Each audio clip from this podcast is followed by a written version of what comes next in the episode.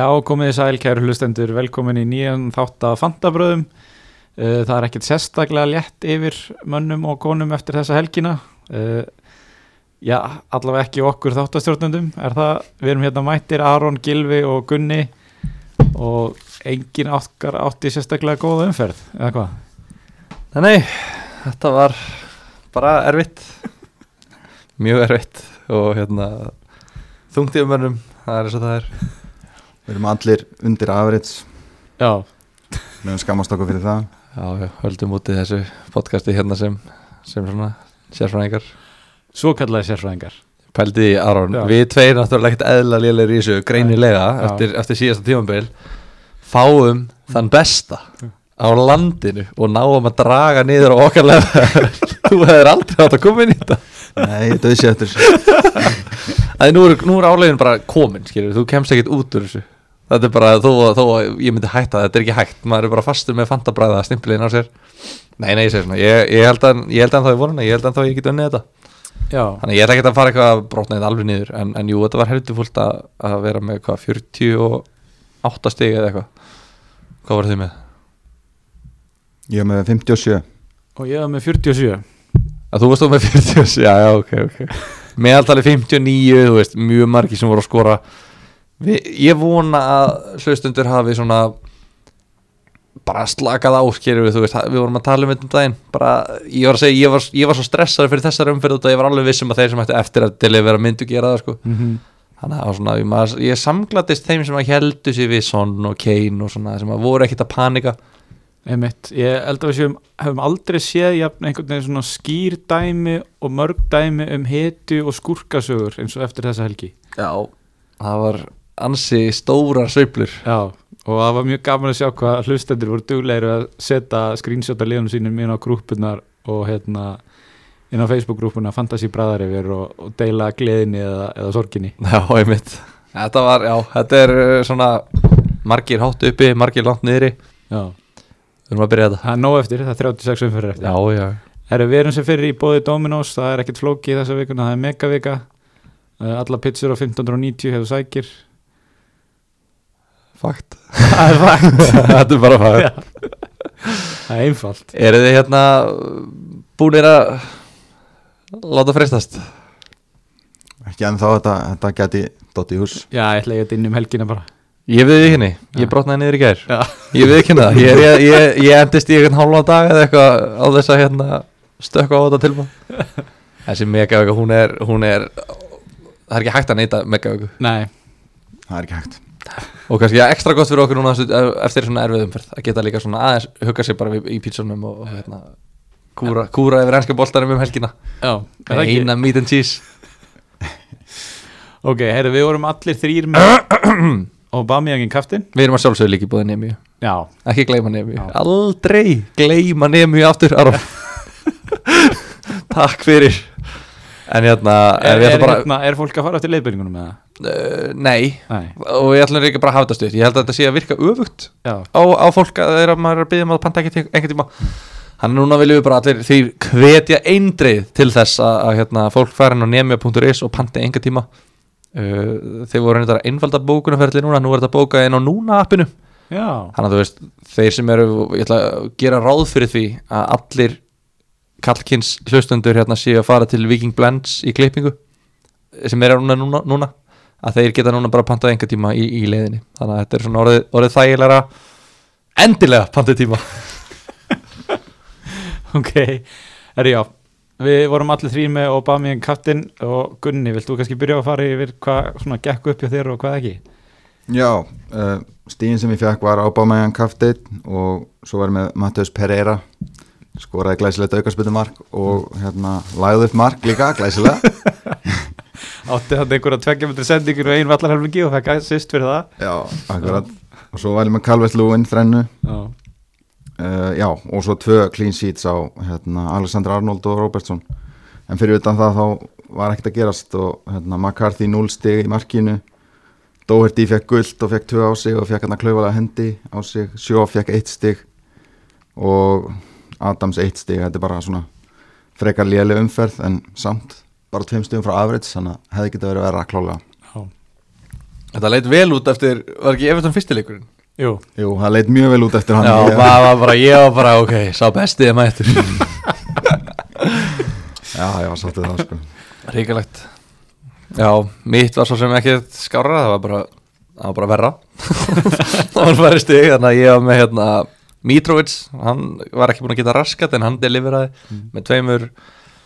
Og veist, svo er þetta bara vart í Saint Maximin Fernandes, já. Já, ég tók það múf já, komdu með það hérna aðeins. Ég seldi Sala og keifti Fernandes. Ég hugsaði bara með mér, nei, ég hef ekki trú á Sala í, á móti Chelsea og í næstu leikjum. Mm. Það eru þarna þrýr útileikir af fjórum næstu leikjum sem að mér líst bara ekkert á Þannig að ég hugsaði, já, ég ger þetta bara. Og aðalega líka út af því að ég fekk aldrei að vera með Fernandes í fyrra. Já, já. Ég gat ekki haft hann og ég var alltaf að eitthvað eitt trúð í fyrra. Þannig að núna var ég bara, ok, þú veist ég, Og þá fannst mér það erfitt að bara horfa upp og manni fá víti. Og ég held þetta virkaði þannig þegar þú ert með Fernandes í liðinu að liðið fær víti og hann skorar eitt mark í leik og svo möguleika meira. Ég held að þetta væri þannig, ég held að maður væri með sjöstegða meira. Og hérna, svo var þetta bara ekkert búið að gerast og maður, svo kemur hérna vítaspinnan sem að mann hefur alveg getað fengið þegar hann traðkar á Pogba inn í vítateg, sáðu það? Nei. Nei, nei, ok, það er náttúrulega það var eitthvað gæði sem Pogba sendir að fara hann inn í, aftur inn í tegin og eitthvað gæði okkur að stíga brónum Pogba. Var kallar á, eh, tekur þetta fyrir og ég bara, yes, þannig vítið mitt komið. Nei, nei, svo tókum við ekkert vítið og þeir bara töpuðu 3-1, þá mútið Krista Pallas umurlegir Já, hérna, þú tapar einhverjum stigum á þessu múvi eða þú tapar bara einu stigi. Já, Ég tók, sko, ég seldi Werner fyrir Martial þannig að það var svipað, sko. Skipti ekki miklu máli. Nei, sko kannski ekki en þetta hafði aðeins starri afleðingar vil ég meina, ég kannski útskýra aðeins hvað ég er að meina með því á eftir en, hérna, en hann allavega blankaði svo verið með Lukatinni og Doherty sem að gera ekki neitt. Robertson og Trent með mjög fallegt clean sheet og James Justin heldur áfram að delivera með marki á móti Burnley. 7 stig 16 stig í tveimur leikjum. Okkar maður, James Hustin. Og svo, og svo McCarthy að það menna úr stig 48 stig. Segi ekki meira um þetta, Aron. Herri, já, ég hérna, þetta er svo sem einhvers konar blanda af liðunum ykkar held ég bara. Ég var með Werner uh, Mitrovic, Aubameyang kaftin, Sala Mason Greenwood. Mm. Þægilegt pikk og var búin að geima hann á bekknum hann í fyrstu umferðinni. Og startar hann í geinu sinni og kemur inn á í hálfleik og fara eitt stig. En hann skoraði og laði upp á móti Luton. Já, einmitt. Hann er komin í gang. Já, uh, James Justin, Trent Walker Peters átti hann að lagalega stóðsendingu. En ákvað svo á öll- öllum öðrum í sáðantúnverðin að íta á sjálfsmórstakkan bara. Og hérna uh, svo er ég með McCarthy og ég gerði tvær breytingar fyrir umferðina sem voru eiginlega fyrst og fremst að því ég talaði um hérna í síðasta þætti að ég ætla að nota hálfu miljónuna sem myndaðist við það að breyta Aubameyang yfir í De Bruyne í að breyðast við verð hækkunum og lækkunum. En svo allt í einu var ég að horfa fram á það að þrýr leikmenn sem að ég var með voru að fara að lækki verði. Og bæði Bruno og Kevin De Bruyne myndu hækka bara nánast sama kvöldi þannig að ég sel William Saliba sem ég held nú að bara verið ágættis ákurinn því að hann Já. verðist ekki alltaf að fara í hóp ó nei. anytime soon. Og hérna og fyrir hann ákveði að kaupa Wools varnamann og af því að ég var með mann sem var ekki að komast í hóp þá ákveði ég að velja mann sem spilar allar mínútur og tók Conor Cody. Fyrirlega Wools Safe pick. Já en hann náttúrulega var að spila um til City og fekk eitt stig. Mm um, og svo ákveði að gera slítið sama með Bukayo Saka. Seldi hann líka. Og var að reyna að taka einhverja ég fjall í algjöra gildru og reyna að finna ódýra leiðin í Everton lið og tók Abdullah Dukure ok. Á 5.5 sem að fekk náttúrulega eitt stig líka. En byrju, þú varst að segja að þú varst að horfa fram á að einhverju þrýrgæjar væri að hækki verði eitthvað sem að þú, þú varst að horfa á. Uh, og varst að tala um Bruno Fernandes og Kevin De Bruyne. Já, og þú, kaup, þú tekur samt mínust fyrir að kaupa Conor Cody og Dukure já, af því mannstu ég talaði um hérna að vandamálin sem ég langaði til að laga voru ekki vandamálin sem ég þurfti að laga. Mm -hmm. þannig að ég þurfti svolítið að meira að losa mig við mennina sem voru að fara að lækka. Já, þeir voru að fara að lækki verði já, Já, og þetta voru báðir ódýri leikmenn sem þýtti það að ég gat ekkert keift dýruleikmanna sem ég langaði í. Já, já, Þannig að þessi mús nýrist aðalega um að tap ekki valjú á leikmannunum Já, Já. að tapa ekki þessum 0,2 að þegar ég var náttúrulega að horfa upp á það að þegar allt verið tekið saman þá var þetta meiri sveifla heldur en 0,5 í heldina Já, ég meina það, það er engin að efast um þína hæfni til að stjórna peningum sko. þú er sínt fram á það að, að þú ert þú er konungur í þar en ég held bara að þú sért fyrstir maður sem ég heyri taka mínus fjögur stig til þess að koma inn í liðið sitt varnamanni sem er að fara að mæta sitt í Já, en, ég hef aldrei heyrt um það. Og ég vona að ég þurfa aldrei að heyra um það aftur. Nei, en þarna er kemur ljós munurinn á mér og þér. Þú ert að þannig í skamtíma hugsunni, ég er í langtíma mm, Já, alveg rétt. Alveg rétt. Þannig að þú ert núna bara að byggja upp nota transferinn og þú ert ekkert með neitt vælkart vantalegt eða neitt. Nei, það, Þú ert bara settur upp á framtíðina. Já, já, hann er bara búin að skipulegja framtíðina. Hann þarf ekkert að nota vælkarti sitt anytime soon Fyrst hann er búin að skipulegja framtíðina svona vel. Já, já, förum í næsta dagskrálið Vælkart Eiga menn að spila á vælkartinu Talandi um þetta, Gunnar. Já, ég, bara það fer eftir liðinu sem maður er með og hvort maður er sáttu með það og maður þarf bara að meta það fyrir hvert lið fyrir sig sko. Ok, er þú gilvi e, já. Ég bara Þetta er svo lúðaleg Ok, ekki bara segja það Já, Við erum allir með vælkarti aktur Við erum allir búin að, búin að, búin að virka því viltaspil. Já, og hérna og það verður vilt og trillt núna það er næstu dag heldur betur. Úff, Þetta er rosalegt sko. En sko, þurfum við ekki að fara yfir þessi þáttu, kannski snýst nú ekki bara um okkur.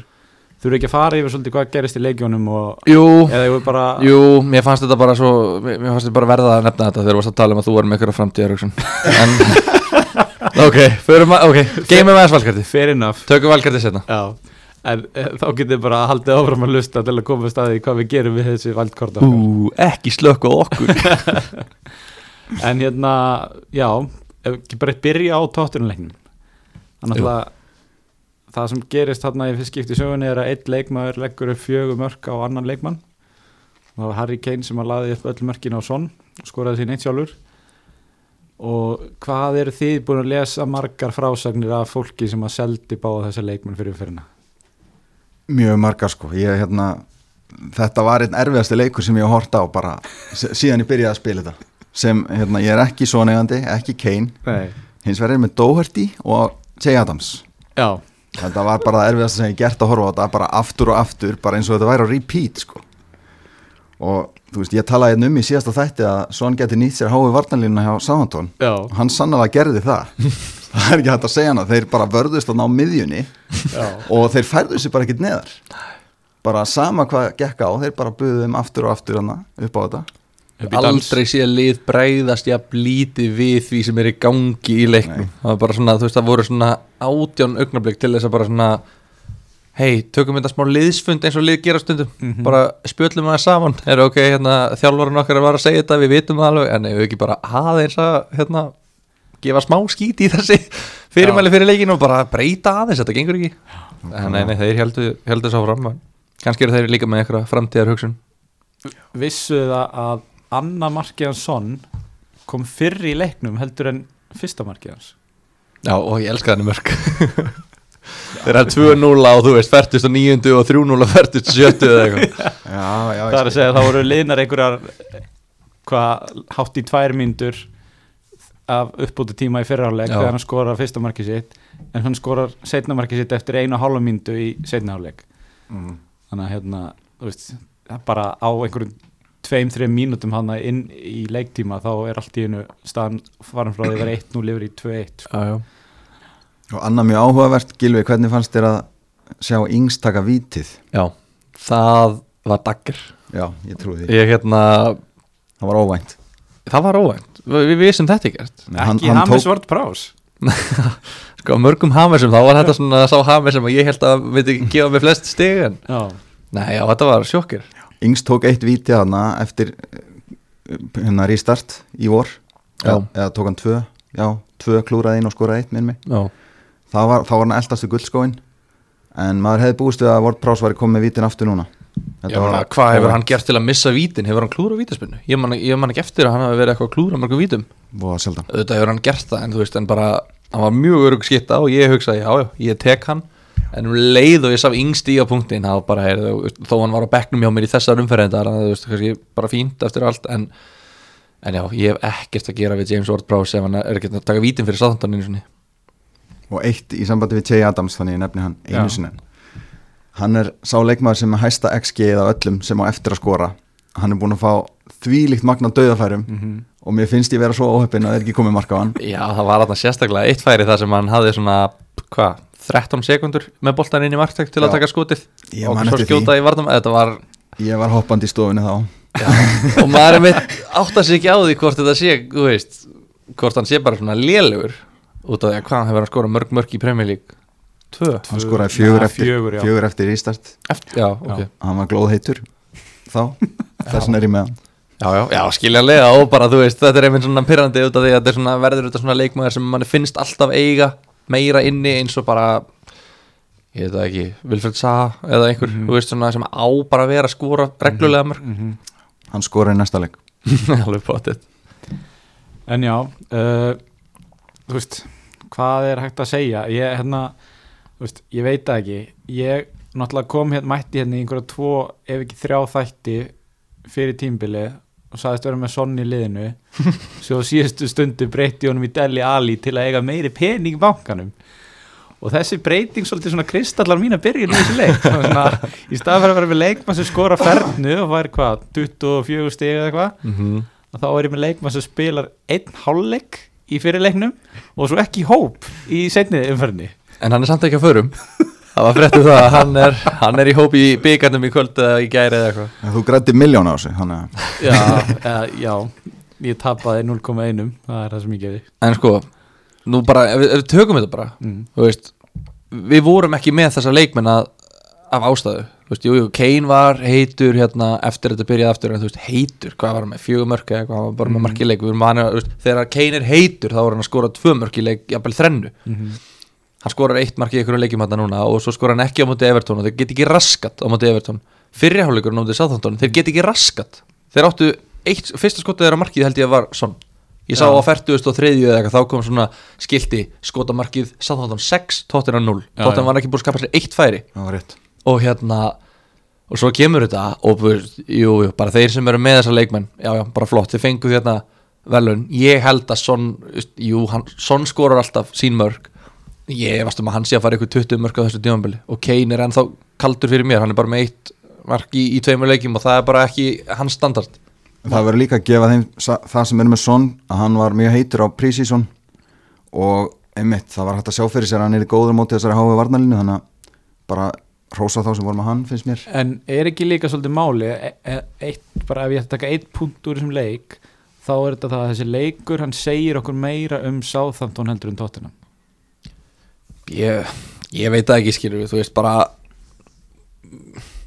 Sáþóndum voru að spila vel allan fyrirháleikin er það samt? Ég meina Tottenham skoraði tvö mörg sem hún dæmda reyndar réttilega vegna rangstöðu held ég. Út á háu varnalínunni Sáðantól skoraði líka Já, en þeir áttu ekki skot allan fyrirháleikin ára Já, ég meina, þú veist. Ekkert ég meina, ef þú mæti liði og liðið á ekki skot í 45 mínútur þá ertu að standa það helviti vel, myndi ég segja. En svo, ég meina, svo les bara Tottenham algjörlega hvað þeir eru að gera og bara drepa þá já, já, já, já, svo er það það, þú spila veist. vel í 90 mínútur. Já, já, en ég er ekki að segja það, ég er að segja að þeir spiluðu vel í fyrirháleik og það er það sem ég er að tala um, að þú Ok. veist að Tottenham eru búin að vera lélegin núna í þrem háleikum og fjórum. Mm. ok, jú, jú, þeir áttu hennan eina leik. En þú veist, ef við pælum bara í framhaldinu, þú veist, menn eru núna að bara býði röðum, þú veist, það er lengri röð að kaupa sonn heldur en er á dómin og setna í hraunbarum, sko og fólk er bara, við verðum að fá sonn það er búin að hækka með eitthvað 0,2 núna, herrið, ok, þeir eru að Newcastle heima í næsta leik, þetta er alveg lofa eitthvað því, Steve Bruce er ekki að fara að ringi sína vardamenn, mm. herrið, svo prófum við hérna bara press, high, higher pressing line, eitthvað svona. Nei, nei, nei, nei, nei, nei, það er ekki að fara að gerast. Svo eiga Manchester United. Nei, nei, nei, nei, nei, þú veist, þetta er þessi lið er ekkert að fara að, að fara í eitthvað svona dæmi, sko, þetta er bara Southampton í sínu þróunar uh, fasa sem lið. Já, næstu lið sem að veist, þessi lið er kannski Brighton, Mm. mögulega. Annars er þessi lið ekkert að fara að gera þetta, þannig að Son er ekkert að fara að fá þessi tækifæri aftur, já þú heldur það? Ekki þessi, ekki svona tækifæri Þú ætlar ekki að setja hann í kaupa? Nei, ok, valla. Ok. Þú veist, ég, ég veit ekki, ég gæti alveg haft hann þú veist, Já, en mér, ég er ekki að reyna að mér, mér langar ekkert brjálaslega mikið í svona sko. Ok Já, ég, mér finnst það mjög góðu kostur Já, hann er einn af þeim sem maður er að hugsa um en ég er ekkert eitthvað hann er ekki fyrsti maður á blaða inn í liðið mitt sko. nei Ings búin að lækka í 8,4 uh, Er það eitthvað sem er að pæli? Er, ekki í bili, ekki að meðan Nei. Sáhandón gengur svona illa sko. ég, bara, þeir eru bara out of form og Out Það er- bara það eru betri kostir í bóði Já, ég er með hann eins og er. Og hérna, ég meina hann er, hann er komið með vítin líka. Já, já. Ekki bara það var hann skori við 20 mörk í fyrra. Mm. hann er komið með víti líka. Veist, mér finnst þetta bara alveg gangu upp. Alveg Já. mega sens, þannig að ég er svona ég veit ekki það já, ég veit ekki. Þetta er mjög, ég er í erfiðri stöðu núna. Ég, kom, ég er komið með þetta vælkart hérna, tensið sko. Já. Hérna Newcastle tapar 3-0 heima fyrir Brighton og Brighton yfirspilið og vist bara. Neil Mopay með tvö mörg og stóðsendingu já, kannski skellið fyrir marga líka að Tarek Lamptey fór út af eftir 58 minnur bestu maðurinn á vellinum. Það er helvíti pyrrandi maður. Láði upp eitt mark og var mjög nátt til að ná klínsítinu líka. Hefði- mínútum. ef hann hefði líka náð sko bónus punktast system kerfinu fyrir clean sheet þá hann örgulega fengið 12 stíð, eða nei kannski 2 stíð bónus.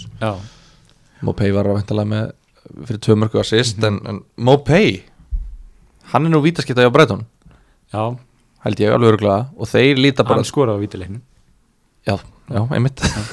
En þú veist, eh, þetta bara ég, ég var hrifin á hann í, í fyrra en hann var ekkert svona, maður var svona ah, ég veit það ekki, er hann búin að setla á eitthvað svona hvað var hann með, 10 marki fyrra eða eitthvað já, ég er svona ég held að það sé meira neild núna sko, en þú veist að fara að byrja. Já, þannig að hann getur verið betri kostur núna enn í fyrra. Út af því að í fyrra hann var alveg að skila mörgum. En svo núna er maður bara, ok, þú veist ef þetta er einmitt, ef hann er neldur bara nýjan í liðinu og er vítaskitta og bara og Brighton og þú veist, mér fannst þetta líka líta vel út í fyrra þá var ég svona, ú, þeir eru að spila skemmtan bolta en svo var það ekki úr því. Mm. þannig að ef ég þyrta, ef ég var með byrjenda, þú veist, bara flott í að maður byrja svona en svo faraði bara í að sökka eftir svona 12 umfyrir kannski. Hann hann var með 10 mörki fyrir á þrjú assist já, þú veist, það er bara ákvað marga mínútur. Uh, 2760 fekk 130 stig. það er reyndar alveg slatti. Já, en ég meina 10 mörg þurfum við eitthvað mikið meira? Frá 6,5 miljón krona sóknarmæri nei, en svo er náttúrulega spurning líka það er náttúrulega svakalegt úrval af sóknumönum í kringum þennan penning þannig að þinn maður Gilvi, Chris Wood. Já, 6,5 stimplaði sinn um helgina. einhver við því að hann myndi ekki skora. Var einhver sem að veðjaði ekki á að Chris Wood myndi skora? Ég hef aldrei sé, eh, ég hef sjaldan sé varnamann bulli hann jafn mikið. Þetta var ótrúlegt. Það var ótrúlegt. Hann bara svona hjæltur frá sér með annari hendi og bara svona hendur þessum krakka í ándjóks fannst ykkur þetta ekki að vera brot eða? Nei, mér fannst það ekki. Sko. þetta var það mikið bullying að ég hugsaði, nei, þetta er bara ekki brot þetta er bara algjör rækja sem hann er að keppa við. En þú veist, auðvitað, þú veist hann bara, hann hrindir honum. Já, mér fannst það að vera brot sko. Hann bara segir, heyrðu, burtu mig bara hrindir honum burt, þú veist, þetta var þú veist, en þetta var bara svo ógeðslega auðmikilegt að ég, mér fannst þú, þú getur ekki þannig brota þetta brota, þetta var svo fáralega auðmikilegt og hvaða aumingi var þetta? þetta var James Justin. Já, þetta var sami auðmingi og þurfti að dekka einhvern írskan trúð eh, sem kostar fjóra miljónir í börnlegi í föstu leikadreiði og gata ekki. Hann er umulugur varnamæður sér gæði sammála því, hann er virkilega slaku varnalega hann er umulugur, ég trú ekki öðru en að Brenda Rodgers sé að gera allt sem hann getur til að taka nú liðinu. Þó hann sé búin að, jú, ok, hann fiskaði eitthvað eitt bjána víti á móti Vafbja Mm. sem eru umulegir og skoraði þessu leik. Já, og svo var hann mættur, ok, jú, jú, þú veist reyndar kannski búin að gefa tvö mörg og búin að, búin að búa til tvö mörg en þú veist, hann er bara svo ótrúlega lélur að ég held, ég efast um að hann sé að fara að halda sínu sæti í læstaliðinu ok, hérna þurfum við eitthvað að ræða meira úr, úr Lester Burnley? M- maður segja eitt með til að klára Newcastle Brighton? Já, Saint Maximin meittist fór út af uh, það er ekki alveg vita hvað hann er lengi frá held ég. Nei. Og síðan Lamptey varandi meðsli hans að hann verður líklega mættur í næsta leik svo ég Love it. Þannig að það er stutt Saint Maximin er gildra sem ég hefði viljað forðast að, að labba beint í er það ekki? við ekki niður það sá er sá er cancelled en já, Lester, það er lítið að segja skilju, Kastanja, er það einhver uh, sem við erum að fylla reknum við ekki með því að hann færist í vinstri bakurinn þegar Pereira er klár Jú, Jú, ekki, hvað eh. er búin að leggja upp þrjúmörk eða? já, já, reikna með því að hann færi, færi stigur einmitt. En hérna, já, hann á eftir að fá fullt af stigum en hann er bara hann svo dýr, finnst mér. 5,5 já, Já, 5,6 núna, hann er búin að hækka. Já, ok. Eitt, nei, ég ætla að geima eitt. Ok. Vart í ömulur, ger ekki raskat. Já, Já, þú veist, það er einhvern veginn Já, þetta eru tvei leiðilegustu leikindi fannst mér. Newcastle Brighton og, og Leicester Burnley. Þó þessi mörkið, það var einhvern veginn ekkert, um það að segja. Harvey Barnes á sjö skorar og leggur upp. Er Já. svona, le- þeirra frískasti maður. Já, hérna, ég sá punktvarandi að Vardi og Barnes að hérna, Vardi er með eitt skot Mm. inn í teig Já, í tveim leikjum og Barnes 10 já. Já, það er ekki eðlilega mikil munur sko. nei. Sem eru flest skot inn í vítateg af öllum Hann og Sala held ég. Mm Og ég held að næsti sé með bara Þegar ég gáði á þetta þá var þetta Næsti var með fimm eða eitthvað. Ég held að það var Jimenez en hann alltaf átti að minnst að kosti eitt skot hann á móti City.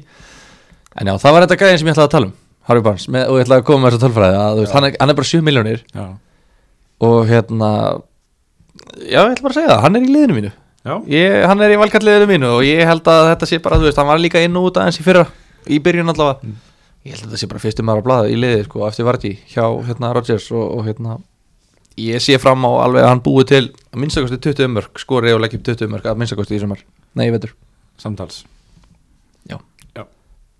það væri geggi, hann myndi skora 20 og leggjum 20, sko. Það væri geðvikt Heru, ok, Liverpool vinnur Chelsea 2-0, það er svo sem ekkert mikið að segja meira um það ef hana, jú ok, Mane does the business á útivelli og Sala á heimavelli. Já, leiðinlega mikið eftir bókinni. Sem er svo skrítið að því að þú veist, maður hefði haldið þegar er engir áhörendur þetta myndi ekki skipta hennu máli. Mm er þetta bara tilvilun eða þú veist, er þetta eitthvað sem maður á að pæli? Já, líka af því að það er tölfræði sem sýnir núna að útisigrar eru algengari núna já, í áhörvendaleysinu þannig að maður hefði haldið að þetta myndi líka eitthvað hafa áhrif á þá sko. Já, Nei, það gerir ekki.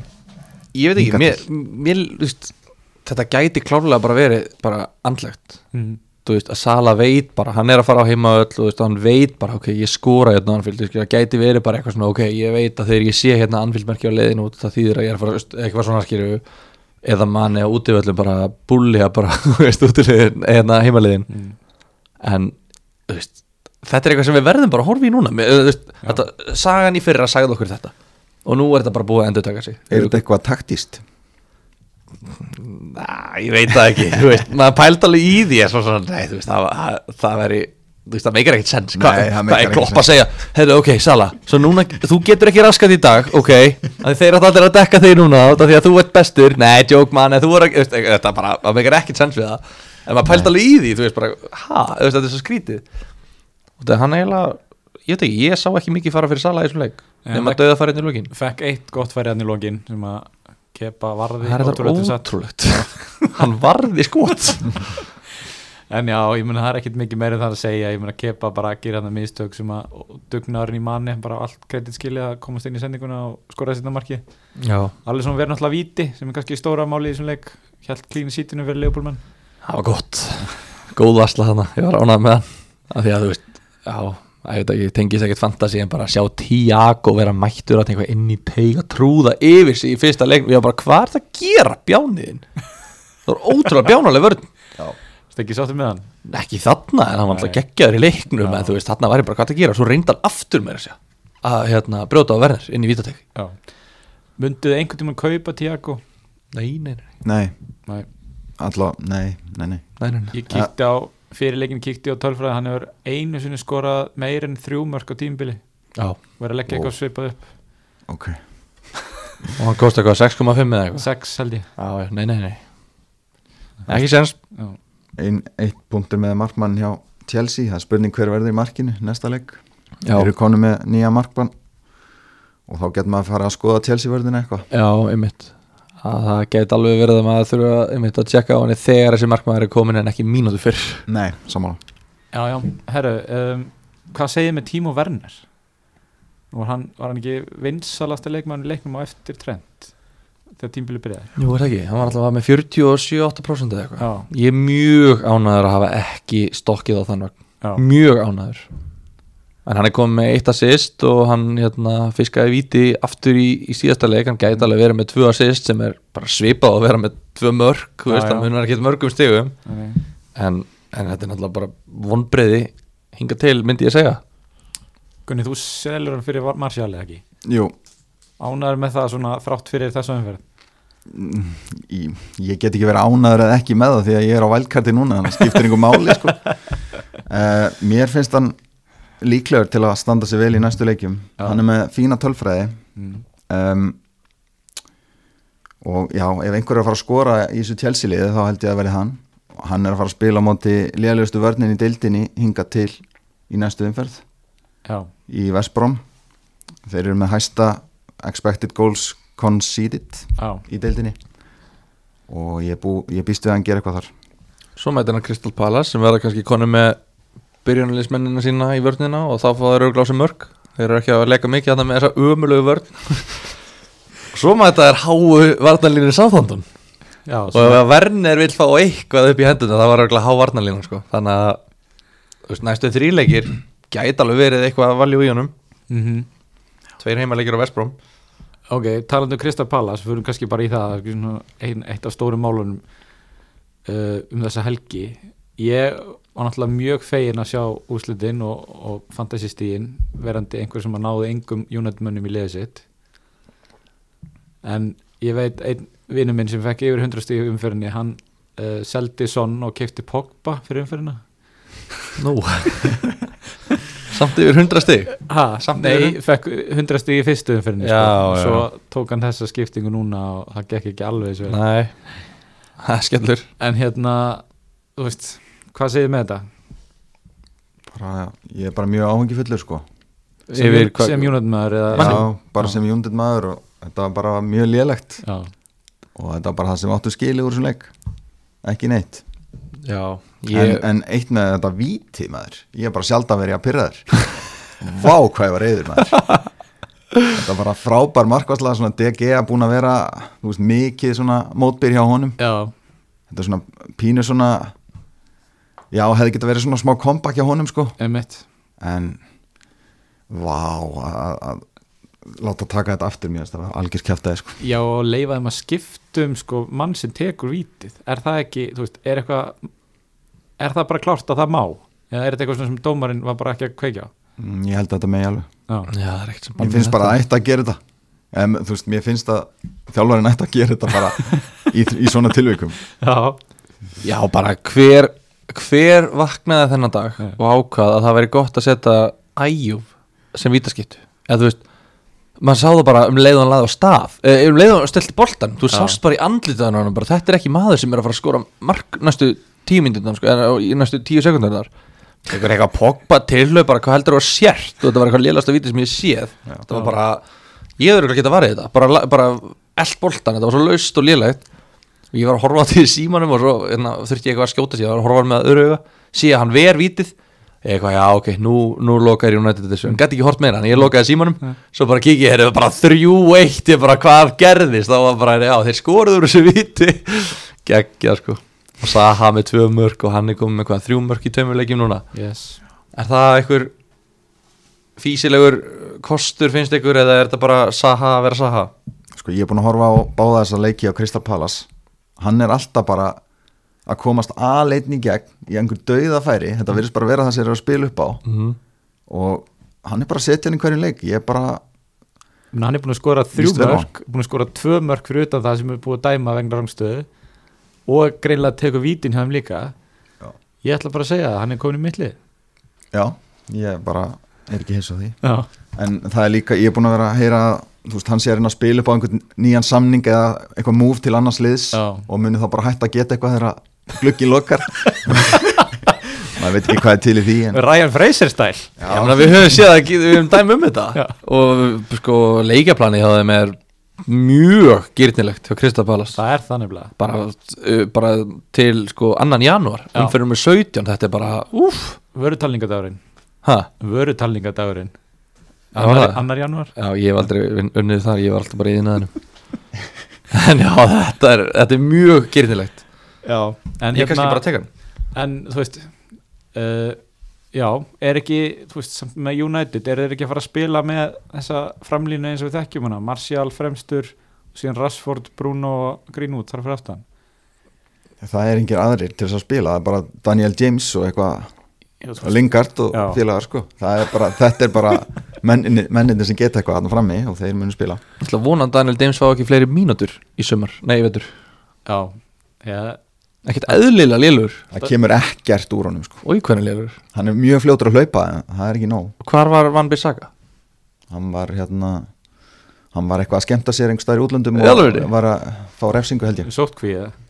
Já, eða þú veist, þetta er allavega einhver sem í refsing hann fór eitthvað að skemmta sér nú, nú Hann er í aðbarni þessu Greenwood í fyrirháleik greinlega hann, mætir í næsta leik. En svo var Bruno Fernandes bara ég held hann að vera að spila miklu framar. Hann var rosalega mikið að sækja boltan einhvern lengst aftur og ég hugsaði bara hann var alltaf að fá boltan ég, bara, ég vil ekki að setja þarna. Ég vil að fara framar en hann gerði það ekkert svo. Sérstaklega eftir að Vandebjörg kom inn á að þá færðist Bruno aðeins aftar. Já, Sem- en það, ok. Ég sem sá, er áhengi efni fyrir eigendur.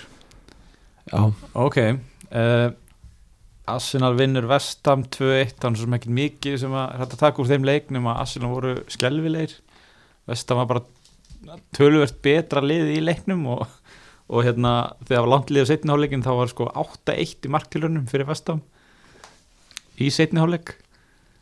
Þannig að hérna en þeir náðu að harka þetta út. Vinir mínir, Danny Ceballos og Bukayo Saka það er líka það sem að sko, meistaralið gera. Já. þau harka svona sigur út. Einmitt. Þannig að hérna, þú, ég er ánægur að heyra þig kalla Arsenal meistara, ég ætla ekki að gera það. Já, en hérna nei, nei, og nokkuð nokku með sem við þurfum assist, að þetta er bara það er kannski mesti svona skellurinn sem maður tekur út úr þessu. Já, það var nú einn sem sittur liðin á mér sem lofaði mér að hann myndi skora og það var skrifað undir ekkert samning en, en hérna, ég sá ekki alveg það mark. Það er svo það er. Klikkaði en, en hérna, þetta náttúrulega breytir kannski litlu þar sem að flestir voru búin að ákveða að selja Aubameyang eftir þessa fyrstu tvo leiki.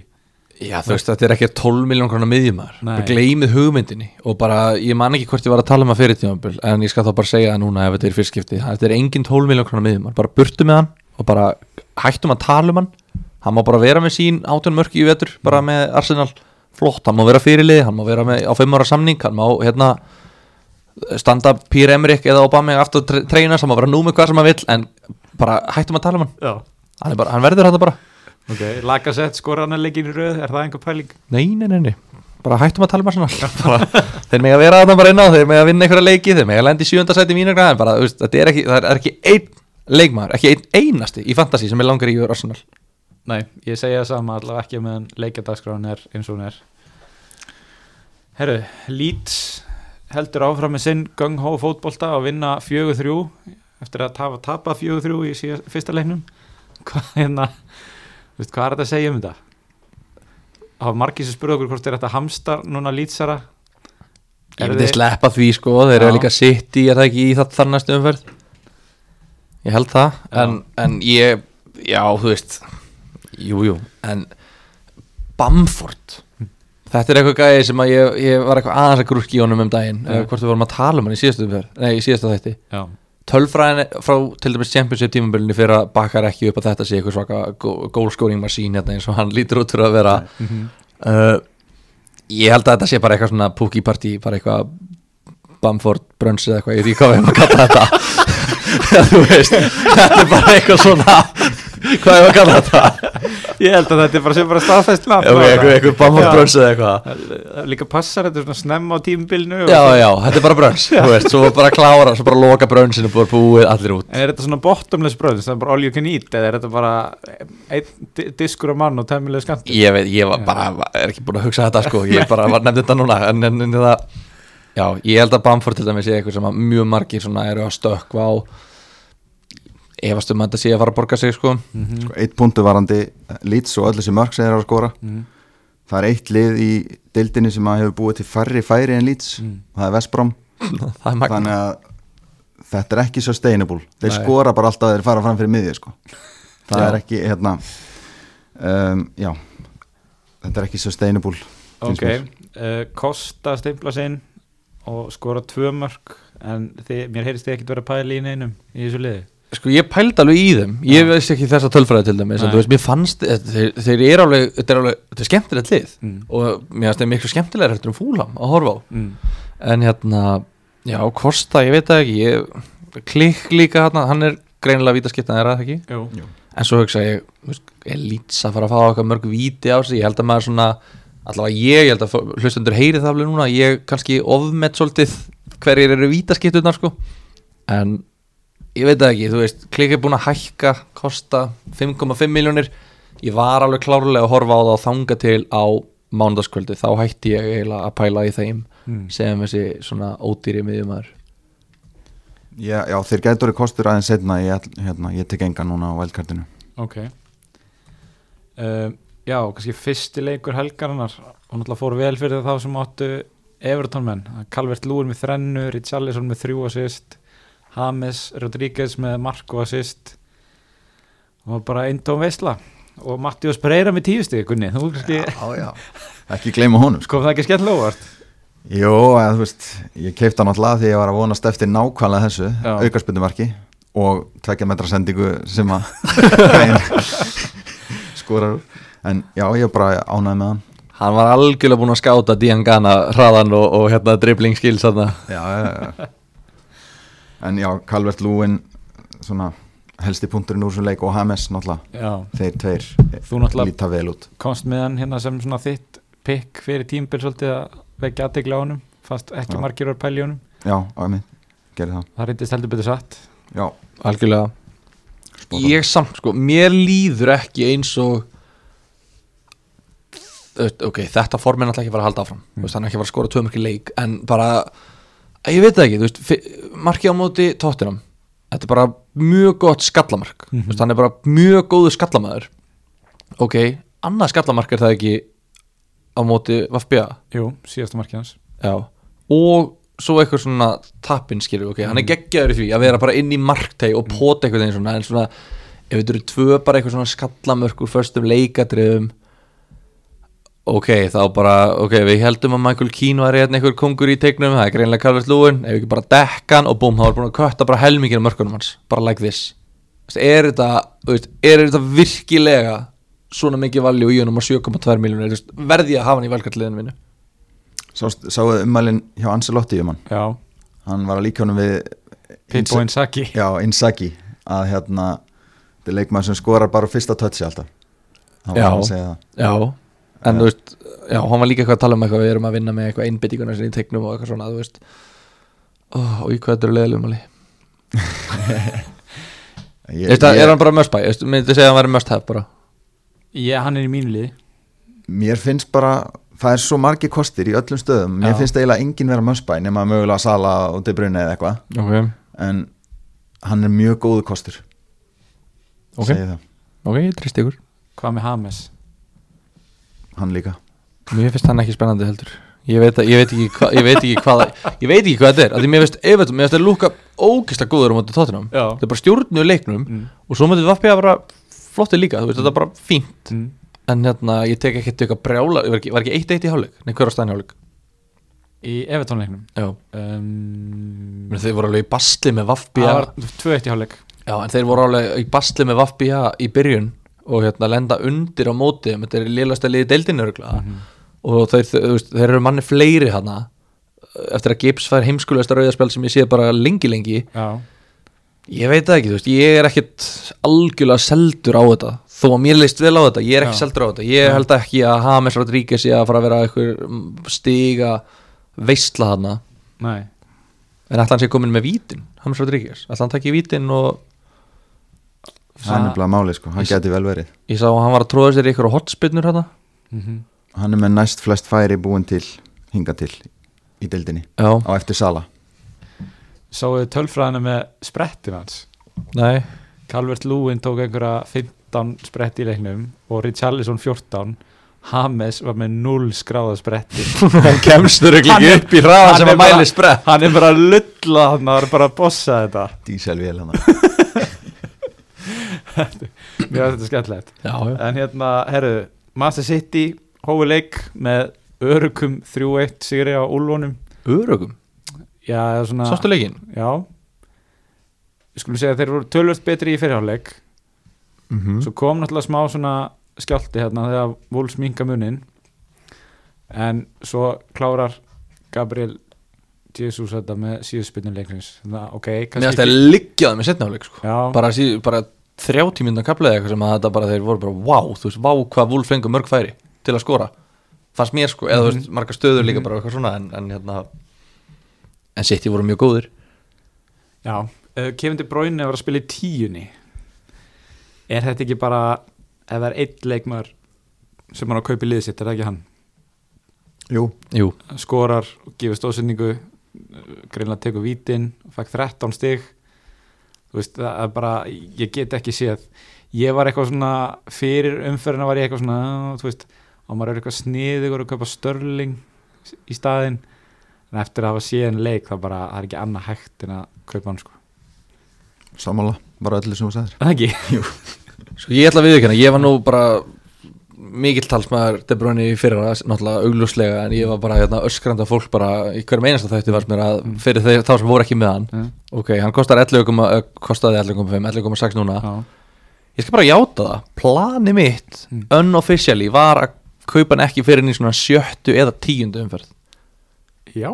það var, veist, ég, var- ég, ég horfði á eins og bara leikjartaskrona Wolves á útivelli, Mhm. Leicester á heimavelli Mm Leeds á útivelli og Arsenal á heimavelli. Mm. Ég horfði á þetta og ég hugsaði gæti ég sloppið með að vera ekki með henni í liðinu mínu? Þú veist, ætli ég gæti komist í gegnum þessa leiki Mm. með Obama með eitthvað byrjun, Sala og eitthvað svona og hérna og séð svo bara til. En hann hann bara svaraði mér eftir fyrsta leik og sagði bara nei nei Gilvi, þú kemst ekki upp með það. Ég læti ekki, ég, köftu mig eða ég læti kaupa mig. Og hann er að láta mig kaupa sig. Það er svolítið þannig. Uh, já, Jimenez bara heldur áfram að gera sitt skorur hérna sitt einamarki leik. Einu marki eins og leik, alltaf. það er bara alltaf þannig. En hvað segið þið með Póten sem að lagði upp markið? Miðumar á 5.5 Ég er mjög spenntur fyrir honum. Já, Mér finnst hann líta mjög vel út og ég held að hann sé að fara að byrja flesta leiki. Fantasi samfélagi mér líður eins og allir og ammaður að sé að hugsa um að kaupa hennar mann núna sko bara sko, hann kostar 5,5 miljónir við erum að tala um þe- þetta verð þetta er James Ward-Prowse er á 6 uh, Jorginho er á 5 Susek er á 5 Mhm. hver eru fleira á 5,5? Saint Maximin þú veist, hann, er, hann er að keppa við Saint Maximin þessi gæi, hann er að spila eiginlega fremstur, þetta var liggu við hann og Jimenez tveir frammi fannst mér sko, þetta var mjög framalega Mhm. í Wolves sem er kannski fymta besta liðið á Englandi í dag Mhm. finnst mér uh, 5,5 miljónir, hann er búin að leggja upp tvö mörk í tveimur leikjum, ég, mér finnst þetta bara bilað valjú, Mhm. alveg bilað og þetta, þetta opnar svo mikið líka fyrir lið að, vera, að geta keift 5,5 miljónum krónar leikmann sem er að spila. Og þú getur haft hann í liðinu og fengi stig fyrir hann. Mhm. og þú, þá, þá gefur svo ógeðslega mikið pening til þess að investa annar staðar. Þannig ég veist þetta bara, bara wow. Þú veist, maður er alltaf að leita að þessum leikmann Ryan Fraser og bla bla bla. Gleymið því heldur ekki að Wolves á bestu leikina í næstu fimm umförum þeir eru auðveldustu leikina sangvænt uh, leikadagskrá. Já, bíla plan var myndan sko Herðu, eins og glöggir hlustundur hafa tekið eftir þá er komið að því. Ú, það er komið að því. Er ekki bara að fara beint í, í hérna rækjumra? virtasta dagskrálið fantabræða Ok, ok, ég ætla að finna þetta. Ollie,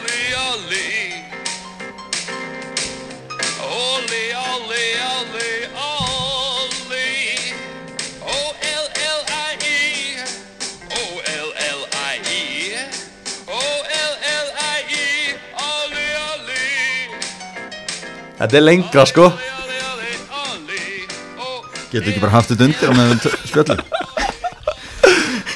Það er Það Olli Otnið og nú eru tvær umferði búnir og Olli hefur ekki skora mark. Það er eins og það er. Það er eins og það er. Bara þannig. Þetta er að hér eru allir í sjokki. Er það ekki? Ég bara trúi ekki að engin Olli sé búin að skora Gunnar.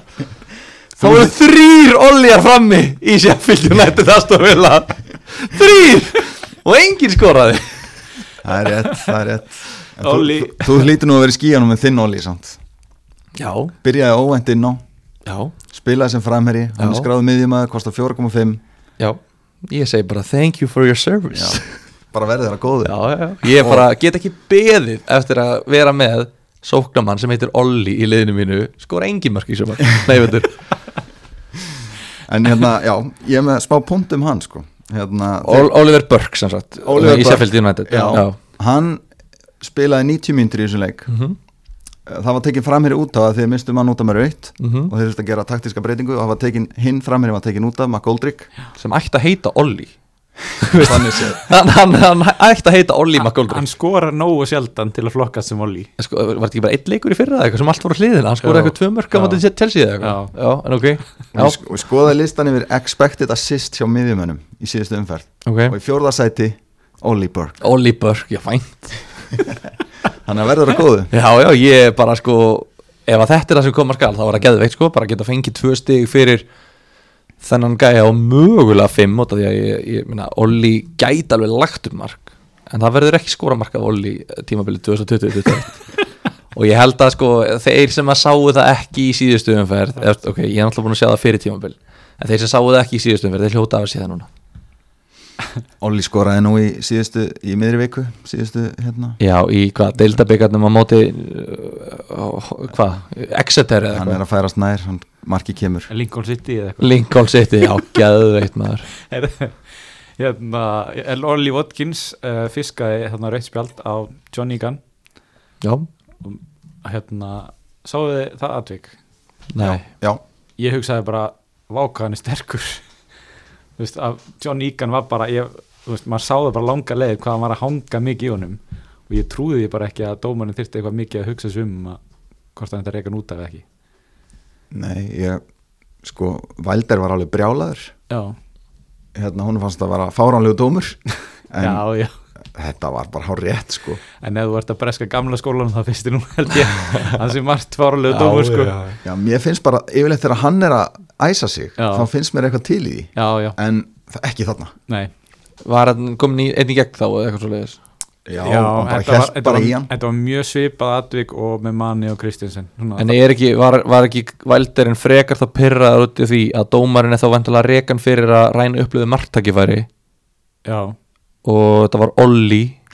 Þú veist var ekki það sem að hann er þá frekar fútt út í? Að þú veist þetta var ekkert marktækifæri ég held að það hafi verið pointið það sko. Ertu Já, að meina að hann hafi verið bara skoðaðu XG síðustu fimm leiki? Já, bara skoðaðu bara skýrnarnafnið bara skoðaðu bara vegabrifið það þarf ekkert mikið meira, nei ég er bara að pæli ég er bara að segja svona Er Emiliano Martínez uh, ver víti í sín fyrsta leik og heldur hreinu. Og algjör hetja. Já, já, þú veist, ég meina, vil geta verið víti. Er hann, er hann allt í norðin besti 4.5 markmaðurinn? það getur verið það getur verið, villavörnin leit mjög vel út eftir rístart þeir voru hörmulegir stóran hlutar síðust tímbili en eftir rístarti voru þeir góðir og byrja vel núna. Ok, geti verið allavega betra en sáðantónvörnin já, já það, er, það er nú flestir.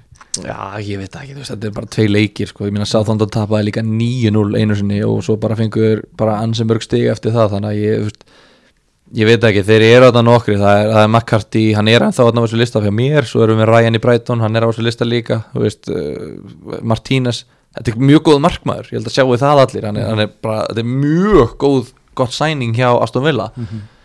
Eh, hvort Aston Villa vörðin sé eitthvað að fara að múra eitthvað fyrir, ég veit það ekki, þú veist geta alveg verið, en hann er klárlega í topp þremur að mínum að þetta er 4,5 miljón krónar markmenn sko.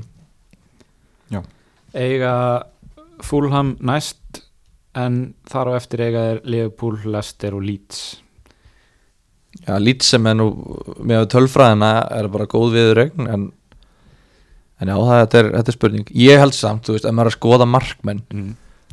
þú veist, ef ég var að skoða þetta ok, og nú eru til dæmis allir á valgardi Mhm.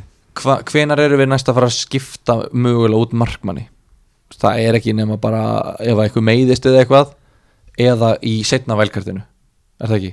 Jú, Jú, Ok, og setna velkartið okkar er kannski í kringum umferð 30 til 34 Mm. Þannig ég myndi, ég horfi frekar á þetta þannig Ég horfi á markmannin sem á erfiðustu viðreiknirnar í lokin Og mér veist geggja, þú veist, ok, jú, Martínez er ekki gott program núna Mm. En svo kemur þetta umferð 9 til 29, 9 til 30 mm -hmm. Geðveiki leikir Mm -hmm. Ég vil þá bara geta chillað, verið bara með Martínez í markinu Hann kannski heldur hreinu átta sinnum í vetur, átta til tíu sinnum væri geggjað Mhm. svo get ég vælkartað út af því hann á viðbjörslegt prógram í lokin. Mhm. þannig að ég get það bara vælkartað í lokin og þá breyti ég markmannunum í kannski McCarthy eða eitthvað annan. Og hérna, og ég vona líka að vilja horfa þetta þannig, bara heyrðist okkar við eigum ógeðslegt prógram í lokin, við getum ekkert átt neitt eitthvað svona rönn eins og, og vera einhverju baráttu í síðast, við verðum að festa sæti okkar strax. Já, múrum bara fyrir. Náum í þess að 1-0 sigra bara verum agaðir og bara, þú veist, bara let's do it, sko, ég vona að þetta verði þannig. Hérna örstuðt svona förum yfir helstu heti og skúrkasugur helgarinnar úr grúpunni. Ég held að það sé nú bara viðjandi uh, Aron Eller Þorsteinsson postar hérna mynda sínu liði 105 stig, er með Kane í kaftin og er síðan með Son og já, svo er það bara þrjú clean sheet og ekkert mikið meira sko, það kannski segja manni hvað þessi tvei leikmenn voru þungt. En hérna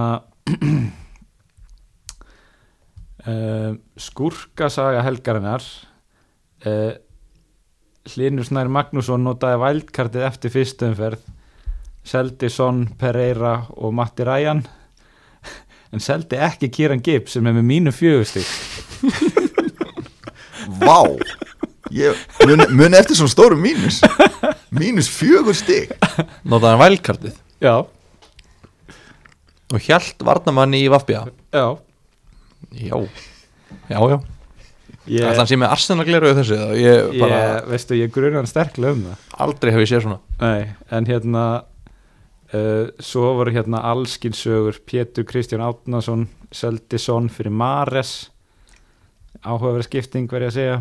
Og uh, það var einhver sem að hækkaði hann um einn og seldi þess að Son og Kane reyndar fyrir Martial og De Bruyne. Ekkert svona veist, það er nefnilega málið.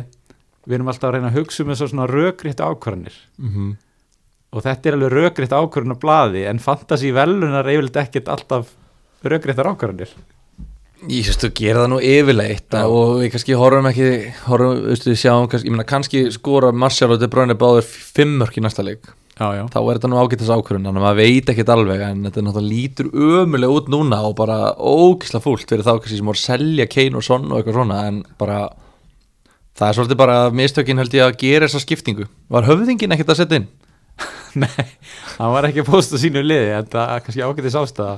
Hann er bara farin í felur já, tók vældkartið, seldi Mane, Kane og Son og Mikael Antonio. Ég hef bara aldrei síðan aðeins sko. og tók bara leikmenn sem að skora ekki stig. Hann hattar stígin heldur með Ríkalegt. Hann er búin að kasta inn hangklæðinu hann. já, það er bara rökriðt ákvörðun eftir Og svona. smá sjátt á Bessa Eilsson Tiggan hlustanda sem að var með bæði Son Kane, Ings, Bamford og bara ég hef aldrei séð einu mörg stig í litlu screenshoti. Aldrei síðan aðeins. Það er veisla. Herðu, ok uh, Við báðum ekki um spurningar að þessu sinni þar sem við vissum að við myndum ekki hafa tíma fyrir að fara yfir þær. En þá að okkar stóra máli sem er að við erum allir á veldkarti Hvernig vil ég gera þetta? Ef að fara yfir liðin okkar eða Til, vilt þú byrja þínu? ég væri til að taka þetta bara stöðu fyrir stöðu. Ok, Þú veist að því það eru örgulega fleiri sem eru að velkarta núna. Og örgulega fleiri sem eru að íhuga það. Já, Þannig já, ég myndi svona, ég væri til að bara svona ok. líka bara því að ég, við höfum ekki sínt, við vitum ekki hvernig lið hver annars er. Nei, Þannig ég er svona, ú, ok, ég þarf alveg aðstóð hérna hjá ykkur, sko. já, sumulegis eða hjá þér Gunni. Nei, ég segi kannski svona, ykkur báðum. örstuð við byrjum bara, förum bara hringin og segjum af hverju við erum að vældkarta af því að svona bara svo komið fram þú veist, við erum ekki að beita okkur annan einhverjum hópþrýsting eða eitthvað, ég veist að við höfum allir okkar eigin svona rök fyrir því að, að ít á takkan Taki, Ég ætla bara að vera hreinskilið með það. Þegar ég heyrði að, að hérna, sá besti hefði valkarta, það spilaði bara inn í. Ég hugsaði, já, ég meina, þá hlýtur þetta að vera í lægi Já. Og ég bara, já, já, ok, þú veist, ég má alveg gera þetta líka. Uh, Hvað var Aron að segja? ha, Aron var að segja við vorum ekki að beita hvað Já, ég er að segja, ég, ég veit það, þú veist, ég er bara að segja Þetta var, þetta var algjörlega, hérna, hjarðhæður í mér Að, hérna, ef, að- ef að Íslandsmeistarinn gerir þetta Þá hugsaði, já, ég meina, þú veist, þá getur þetta ekki verið það slæmt. Þú veist, ég hlýt að komast lifandi frá þessu já, ef Íslandsmeistarinn ætlar að gera þetta. Mm. ég, að, það spilaði alveg inn í, en ég er samt að gera þetta líka svolítið á einfórsöndum og það er liðið mitt núna fra, framherða mínir ég með Word Prowse já. sem er bara, Nei, ekki frammi. Ok, ekki vörnin. Já, ég er með WordPress þarna sem að bara er ekki að fara að kroppa í neinstig leiku við, ég er með Bruno Fernandes sem leiti ömulega út, ég er með úst, byssukúluna mínar eru Bruno Fernandes og Aubameyang mm. sem eru tve, tvær veikustu byssukúlunar af svona sex uh, luxusleikbönum sem að mér langar að hafa sem gæt, maður geti viljað Mm. þessi tveir alveg ekki hérna on finnst mér Mhm. og talað um dýraleikmenn sem er ekki on Jamie Vardy hann áreitar mjög skemmtilega heimalegi hérna eftir, eftir sitt í leikinn þá var hann Vestham og Aston Villa. Svo er Leeds eftir það líka síðan að veist hann á alveg prógram og gæti verið þetta sem ég mistöka en ég bara ætla að treysta því bara ég, ég ætla að sleppa því. Mitrovic umurlegur veist, bara skóra reynda tvö móti Leeds en hann var umurlegur í leiknum á móti nýluðum sko, ég, ég hef bara ekki trú á honum. Sint Maximin Doherty, Luka Dinni þetta er bara, þú veist, þetta er bara allt og mikið af leikunum sem eru enga veginn sem ég, langar bara ekki að hafa þetta lið. Ég vil bara ekki vera með þetta lið, ég langar ekki að þjálfa þá. En þú veist þetta skellilegandi eftir fyrstu umferðinu Hvað hefur bara allt breyst greinlega já, þú veist, kannski var þetta gert bara í flýti. Já, að getur vel verið, ég hefði öruglega alveg getað sleppt í, en ég hugsaði bara, ok, þú veist hver eru stærstu vandamála mín, já. Og ég gæti bara ekki hægt að telja. Nei, ég var bara, Þú varst með besta liði heimi í síðasta þætti. Já, já, og svo bara sko, það, það var það sem ég ætla að segja þessi sala á sala mm. og að taka Fernandes í ætti núna tvær skiptingar. Mm og ég, ef ég, ef ég mætti vera með upprunnulega liðið mitt og vera með tvær breytingar veist, ég, geti alveg laga bara stærstu vandamálin. Tekið einhver skipti bróinu og bara þú veist, Werner eða Jimenez eða einhvern. Já, og þá væri þetta bara fínt lið. En út af því ég gerði þessa skiptingu sem ég sé eftir að hafa gert það fyrst þá er liðið mitt bara núna í rugglinu en þú veist ef að þú gast laga liðið með, tve, með tveimur til þreim skiptingum akkur ekki bara taka mínus fjóra og eiga veldkarti ég er bara þú veist, mér langar að gera svona áttabreitingar á liðinu Já, mínu. ok. Eða þú veist, það er svona það er svona átta mínieldar en svona kannski tveir svona sem er svona ástöðli stórir. Já, Gunni en þú hvað hérna hvað var til þess að þú ákvæðast að taka veldkarti Sko að gæti að vera eitthvað smá pyrringur yfir hann að tóttunum leiknum sko en, en bara þegar ég horfa á liðið mitt þá bara finnst mér uh, mikið af kostum þar sem að mér finnst ekki nógu góðir. Mm uh, eins og sjó, mér líst ekkert á United eins og er. Svo kefti ég náttúrulega Martial.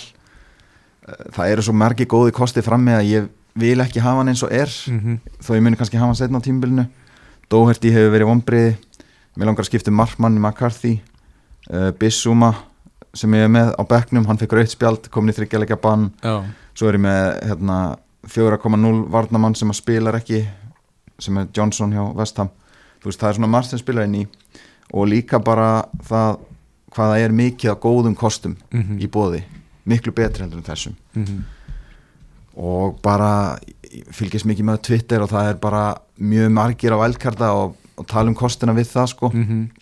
Uh, Wools á þetta magnaða prógram sem við erum búin að tala um. Ég var ekki með, neitt hjá Wools hef núna kostið að taka þá inn saman með City. Um, já, þetta er svona megin ástæðunar Ok. Ég, Hjá mér var þetta bara tiltöla einfalt. Ég, hérna, mér fannst bara að vera það mikil vandamál í mínu liði og það er kannski svona kristalleist í þessu Deli Ali máli að ég allt í einu er ég með mann sem kostar átta og er bara að lækka og spilar ekki neitt og veist og ég þurfti að fara og ég náttúrulega gerði tvær breytingar og var með menn sem voru ekki hóp og tók svolítið inn bara einhverja plástra. Jújú, jú, ég hefði verið með Conor Cody áfram í liðinu sko. En ég var bara, bara svona að reyna að plástra þetta með einhverju sem að þú veist, þá er alveg gott að fara bara alla leið og gera bara fleiri breytingar sko. -hmm. Og vera það bara með lið sem maður er sáttur með. Aðalega er það bara það, ég var með lið í höndunum sem ég var ekki sáttur með. Já, Hjóli, hvað við erum með? Já, Hvaða markmenn eru, eru þið með? ég, maður náttúrulega er að reyna að velja markmann eins og sagði sem að er svona til lengri tíma. Og bæði horfði ég í bara prógram og bara að velja markmann í liði sem að er svona getur haldið hreinu en samt líka fara eitthvað skotum á sig. Þannig að ég tók Vicente Guaita í Crystal Palace Ok. Já, ég held að segja góðu kostur. Hvað kostar það? 5,0 já, og ég var alveg til að eyða þessum hálfum í viðbót. Ég bara, mér finnst það ekki munur á því ef að, þú veist ef að hann ávirkilan séns á að halda hreinu í mörgum leikjum. Og eins og þú sagðir, þeir eru fínt prógram til annan janúar, Já, já. Þannig að hann er bara að fara að vera í markinu. Og Já. ég er bara ekki að hugsa um þetta. Nákvæmlega.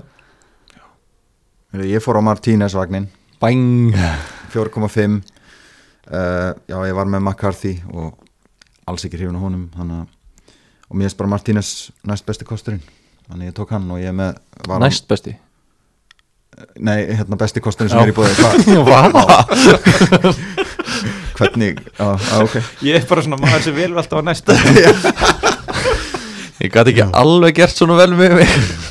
Nei, já, ok. Og svo er ég með hérna varamarkmann hans hann Stýr sem var á back Stýr Jet Steer. Jet Stýr Á fjórar. Varamarkmann Já. næstu vilja Já, ok. Þá breyti ég Nýland í hann.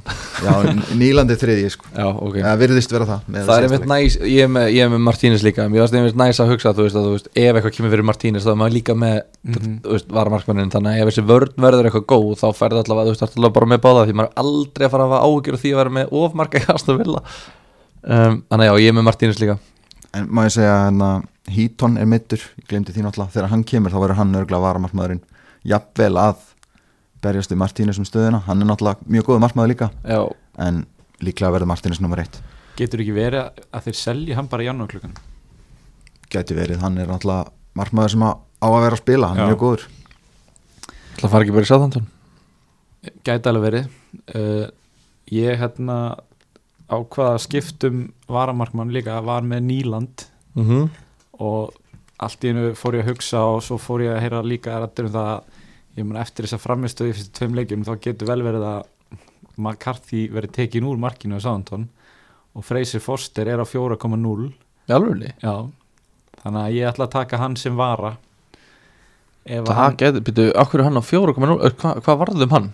hann fór á lán til Skotlands Hann var mjög góður hjá Celtic á láni í fyrra Já, og líka bara mjög góður þegar hann var byrjunarliðsmarkmaður í Southampton í einhver þegar ekki mm Já, ok, býtu, wow, það, ég, ég, þegar þú byrjar að tala, ég skal bara Já. viðkynna, ég var að Já. heyra, hvað er hann að tala svona mikið um varamarkmann, þú veist, það nefnir enginn að hlusta á þetta, en býtu, ok, það er áhugavert.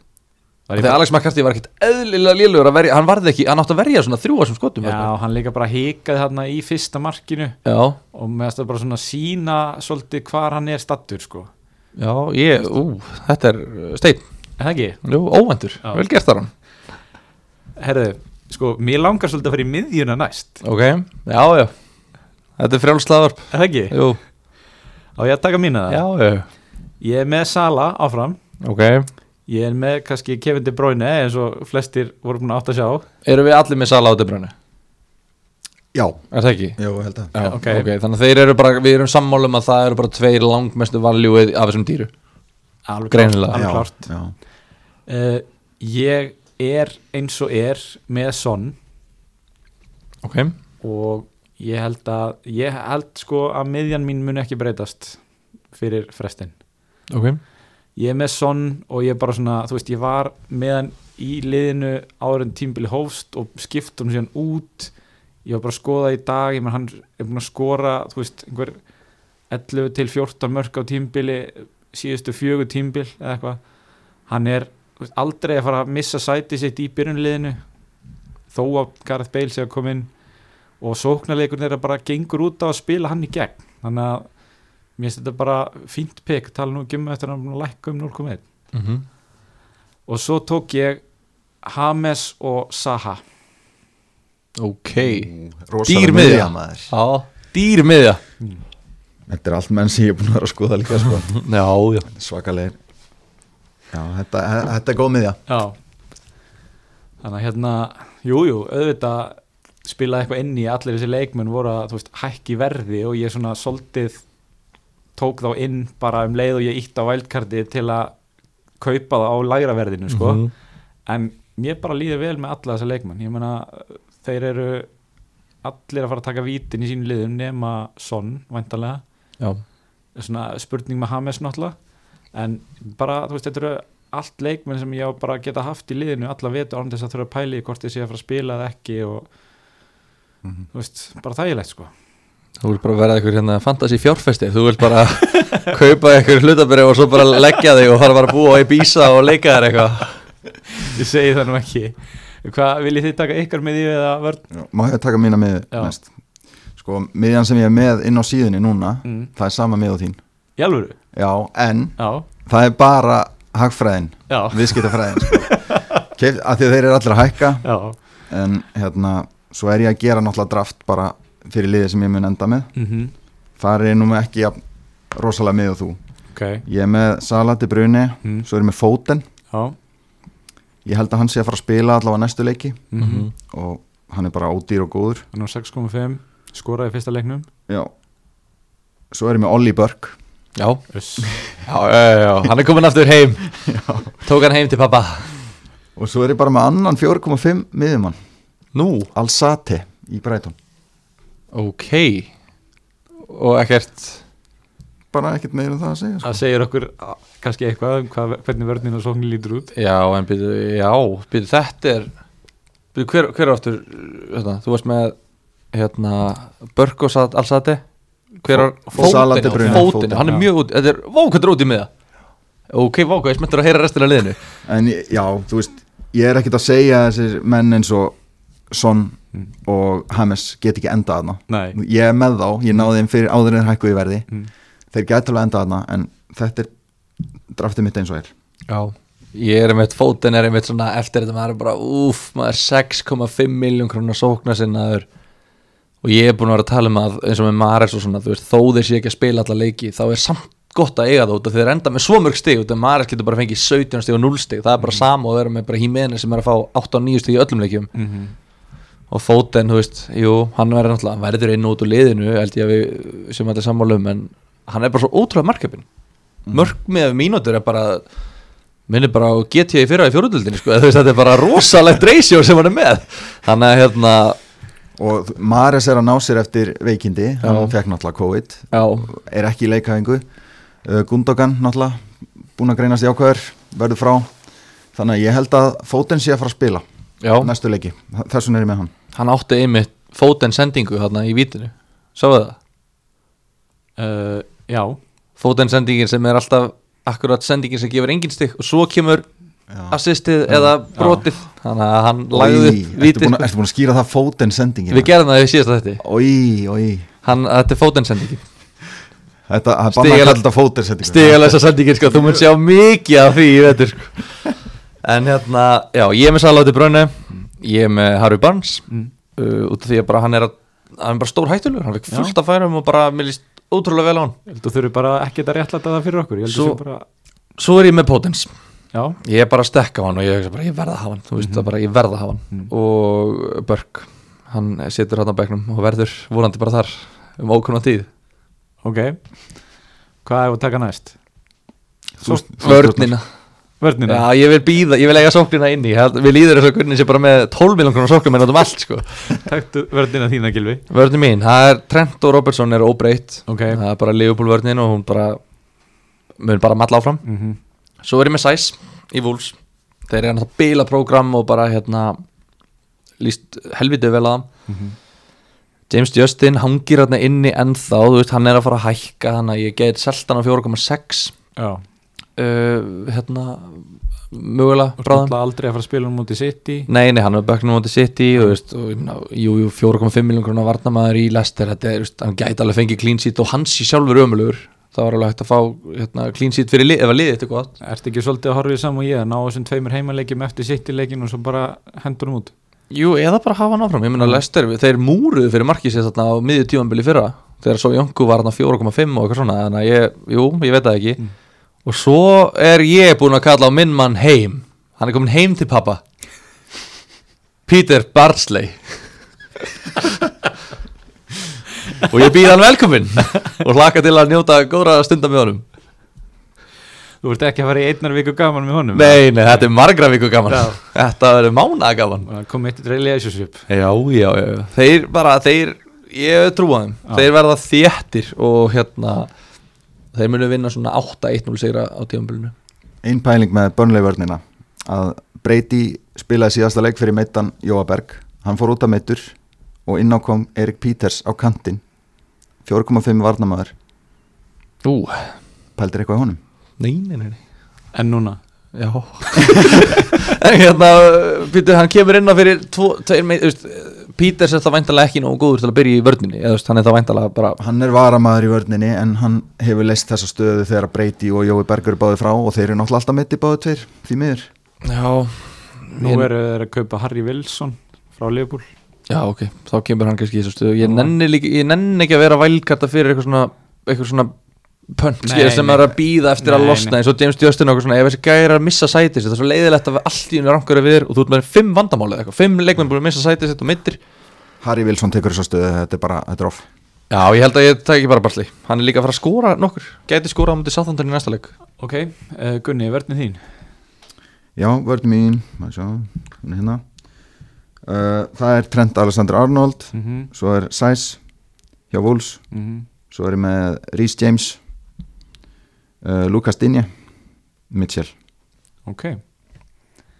Ég þurfum svo sem ekki miklar, mikið að tala um þetta. Þetta er allt bara svona Svo er ég mjög spenntu fyrir nýja vangbakverði Wolves Semedo, Já. ég ætla að skoða hann. Já. Það er, ég er spenntur. Þetta er bara spurning um hvað hann kostar.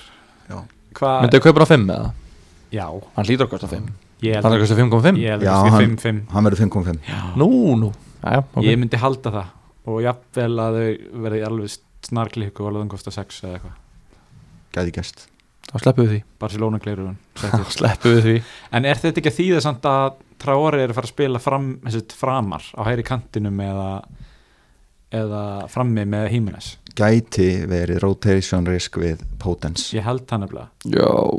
Þess vegna er ég pínur hættu við Potence Já, en ég vona bara að, að hann verði hérna búin að sína það að hann eigi að vera hann í liðnum, ég veist hann sína það á móti Wolves neða móti City og ég vona hann sína það bara í næstu leikum en hérna, hann eða Neto ætti þá þetta úttæki Jú. Jú, og Neto er líka 5.5 þannig að ef að ég sé að Potens er búin að vera bekknum tvoleiki röðu eitthvað Neto alltaf að byrja þá getur maður bara gert auðveld skipti yfir.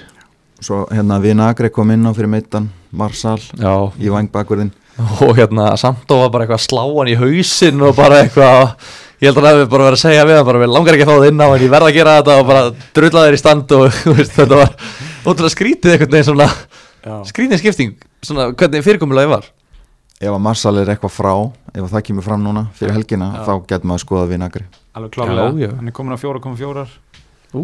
Þannig að hérna, það er bara spennandi Herru, ok, Herru, vörn vörn. vörni mín Ég er með Sæs Skiptu honum inn fyrir Conor Cody uh, Ég held bara Ég var eitthvað pínur hrættur um mínútur hjá Sæs En ég sé ekki að það sé að fara nei. breytast eitthvað. Og hann er miklu meiri gólfrætt heldur en Cody þannig að ég tek hann bara inn, það er basic. Mm -hmm. uh, ég tók Rhys James. Mér langaði bara að vera með hann. Uh, þeir eiga svona Var þetta krútlegt eitthvað? allt í lagi prógram, ég meni þeir eiga West Bromwich næst. Hann gæti alveg fengið einhver stig þar sóknarlega. Uh, Tiago Silva Ben Chilwell fara að koma inn þannig að þetta hlýtur nú að skána auk þess að þeir fá nýjan mann í markið. Er það Asbyrgi Keta byrja núna í kvöld í deildaböggandum já, sem að Rhys James er líklega til að byrja um helgina? Ég menn hann var bara, hann var bara fítna mútið Liverpool, bara nokkuð góður bara sterkur og fljótur og ég sé ekki að geti tekið hann út úr liðinu. Ég er bara ef litlar áhyggjur af þessu Já, já. rotation-riski Nei, einmitt. Uh, svo er ég með James Justin áfram ég er með Mitchell áfram. En til að geta átt þessa dýru miðju þá sko eins og er það er ég með Trent downgreitaðan í Van Dijk. Ok. Ok. Og ég, við klárum bara að tala um sókna en við komum aftur að þessu. Er það ekki? Jú, jú, þau eru ekki að kera þetta í gang? Já, ég hendi bara minni fram. Ég tók Calvert Lúin, ég talaði um því síðasta þætti Mér langaði að kaupa hann í staðin fyrir Werner. Og ég gerði þau skipti bara núna. Og svo svona er hvorur þessar er viss með sæti sitt en ég er ennþá með Mitrovic og svo tók ég Bamford bara svona á meðan velkardi er í gangi. Pítu, uh, Mitrovic, Bamford og? Calvert Lúin Já, Kallur Stúin, já, ok. Þrýr frammeira sem er að spila en mér er mjög líklegt að ég noti Mitrovic breyti honum bara í einhvern 4,5 mann sem er ekki að spila og taki trend aftur í staðin fyrir Van Dijk og eigi þá bara smá pening í einhverja 0, eitthvað í bankanum. Myndur þú skila Mitrovic á undan Bamford? ég held það. Ok, mér finnst bara að Leeds vera lið sem að er miklu líklega til að skora mörg ok. En bara, Næst fæst færi já, sköpuð. þið með Ok, bara já. endilega að segja mér eitthvað skoðun á þessu. Nei, ég, þú þarft ekki, þú getur verið með Mourinho og neitað að horfa tölfræði, sko. Þú, þú mátt alveg, þetta er frjáls land. Já, Þú þarft ekki að horfa tölfræði þegar þú ert að velja í lið, sko en svo hérna en hvað myndið þið gera? Mitrovic eða Bamford? Mitrovic Ég myndi taka Mítro Fúlham á mjög gott prógram ef það er skora þá er það Mitrovic Já, og hann tekur víti mm. mér finnst hann, þú veist, já hann er, hann, er ekkit alltaf aðal kallin í öllum leikjónum en hann poppar alltaf upp með mörg sko. ef hann heill á spilaran við gætum alveg séð Bamford eiga tvo off leiki og hérna tvo off leiki og Rodrigo kemur inn á eða veist, kemur inn í liðið. Já, það var svona það sem við heldum áður en að Bamford átti tvo leiki lífsins núna í röð. Þannig að við þetta ekki. En finnst ykkur þess virði þá að breyta Bamford í dauðan leikmann til að geta breytt Van Dijk í trend? Þú ert svolítið að vann með þetta Kenan Davis þarna. Mér finnst þetta ekki fallega að sagða hann er að fara að koma inn á í 20 mínútur í hverju meirastalið með solid eitt stig hérna sem hvað, þriðja varamann Já, veist, líklega. já, það fer eftir því hvernig bekkurinn þinn er á öðru leiti sko. ef þú ert með spilandi menn sem að Já, ég, eins og er þá er þetta allt spilandi menn þannig að ég hef svo sem litla þá ertu góður, þú getur alveg verið með eitt döðan leikmann. Já, það er nefnilega það sem að, þú, þú hefur talað um það Gunni sko að það er erfitt að vera með sko átta góða menn á, samtals á miðju og frammi. Að þá er alltaf að bekka stíg já, ef að bekkurinn vilja sig ekki sjálfur er svolítið, og þú veist, ég er svolítið að horfa í það líka. Já, ég vil að bekkurinn velja sér sjálfur. Já. Ok, uh, Gilvi, viltu útaka sóknar þína? Ég er með Davis. Já, Ég held trú, trú á honum. Ég er finnst fínt að vera bara með solid stig og líka mitt svo hann velji sér sjálfur bara inn á bekkin uh, Ég er með Danny Kings eins og er mm og ég veit ekki, þetta var það sem ég ætla að vera að tala með James Justin ef hann hækkar og ég get selt hann á 4,6 Mm. þá get ég keft vartamann á 4,5 og þá næ ég uppgreita yngs í Jimenez já, sem ég væri alveg til að gera núna næstu 5-6 leiki uh, en ekkert á móti að vera með yngs og svo er ég með Gabriel Jesus. Ok. Komin aftur á vagnin á þeim leikmanni sem ég ætlaði svoleiðis aldrei að vera með. En ég er með hann og hérna veist, hann er bara að spila 90 mínútur, ég man ekki eftir hvernig það gerði síðast. Eftir, jú, ok, en bara hann er frammi í sitt, ég segir sér rauninni sjálft. Ég held bara að hans tími sé bara núna að fara að koma, Já, Agu er á frá, já, einmitt þú þá er hann alltaf góðu kostur. Já, og hann hefði, veist, hann er ekkert eitthvað hann á alltaf að skora fleiri mörk, ég var að skoða eitthvað XG við tímabili á honum og Calvert Lúin og svona. Calvert Lúin overperformar eiginlega alltaf. Son overperformar eiginlega alltaf. Kevin De Bruyne overperformar alltaf. Jesus er alltaf að underperforma miða við XG af hverju ekki bara drulla sér í gang? Þú ert orðin 23 ára, 4 ára veist, skoraði bara mörk núna og síndu bara að þú eigir að vera byrjanlega sóknum í sitt ég vona að hann gera það. Mm en Gunni Heyrðu, Calvert Lúin heldur sæti sínu hjá Já. mér, svo er ég með Jimenez Já, og svo er ég að velja milli Werner eða Jesus. Ok. Ú, Werner er hérna, hann er endur að fara að lækka í verði hann er ekki í liðinu mínu eins og er en ég ætla að kaupa hann eftir að hann lækkar. Ef ég gerir það, en hérna hann er náttúrulega að fara að spila eins og við erum búin að koma inn á móti Vestbróm sem er liðlegast á vörðin í deildinni eins og er. Já, og svo á hann tvo fína leiki eftir það líka. En eins og Gilvi segir að hérna, Jésús lík, lítur líka mjög vel út. Svo er líka Chris Wood ef maður vil fara í ódýrari nákvæmlega nákvæmlega. Vel út. Stóra nefið, stór stig. Þú ert gott markanef sko. Þú getur ekki verið með lítið markanef. Er ok, hérna, hver er fyrirlið í næstu umferð? hjá mér er það Kevin De Bruyne held ég eins og er, Já, en einhver þetta er bara mjög erfitt sko. Þetta er hérna, þetta er nefnilega, sorry. ég er búin að pæli að hafa Werner sko. Já, það er eiginlega ástæðan fyrir að ég er að pæli að taka hann því mér finnst hann góður svona kaftinkostur Já. fyrir næstu umferð. Já. en eh, De Bruyne og Sala líka koma sterklega til greina. Það verður bara ég veit í hvernig ákveðan milli þessar þryggja, það verður erfitt. Ég er með Sala eins og er. Uh, að náttúrulega er að spila heima á móti Arsenal og fekk mikið að stigum þeir í fyrra. En eftir allt sem ég hef búin að hlusta á í vikunni og lesa og skoða þá er ég einhvern veginn get ég eiginlega ekki annað en breytt í Kevin De Bruyne sko. ég bara, þeir eru að fara að spila á móti Leicester sem að vantar vantar ekki ennþá Johnny Evans og eitthvað, það verður að tala um að Wes Morgan byrji. Það verður geðvikt og ég meina James Justin við erum að fara um hann- hvernig hann er í vörn. Já. og þetta, ég veist, þú veist með líka bara vúlsleikin, þá sé ég ekki annað en að De Bruyne sé bara að fara að fá einhver 13-15 stig sko jafnvel Gabriel Jesus fyrirlið bara ef að West Morgan byrjar. Já, getur ímyndað ykkur eitthvað leikmann sem hann vil freka mæta heldur en West Morgan? Eða þetta er bara, ei, settu, settu mig í gegn. Settu mig alltaf fram fyrir mig og ég leipi þetta móti ykkur.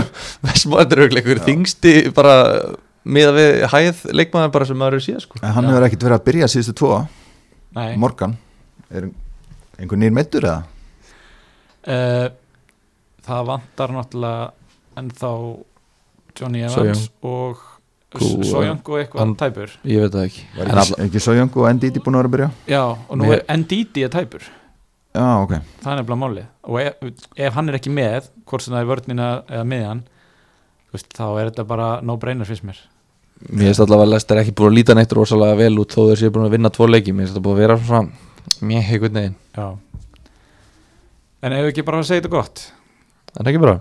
Jú, ég. hvað ég er spenntur að fara ég í Koma hérna næsta þætti Og bara Og einhver, einhver hérna verið gjörsamlega brotin. Já. Búin með vælkarti sitt. Það gekk ekkert upp Þetta var allt í skýtnum Og ég ætla rétt að vona að vera ekki ég sko. Heru, ég vona sömulegist að það verði ekki ég og Það var bara Gunni. Já, Já, nei, takk. Jú, þetta er ákveðið. Heyrust í næsta þætti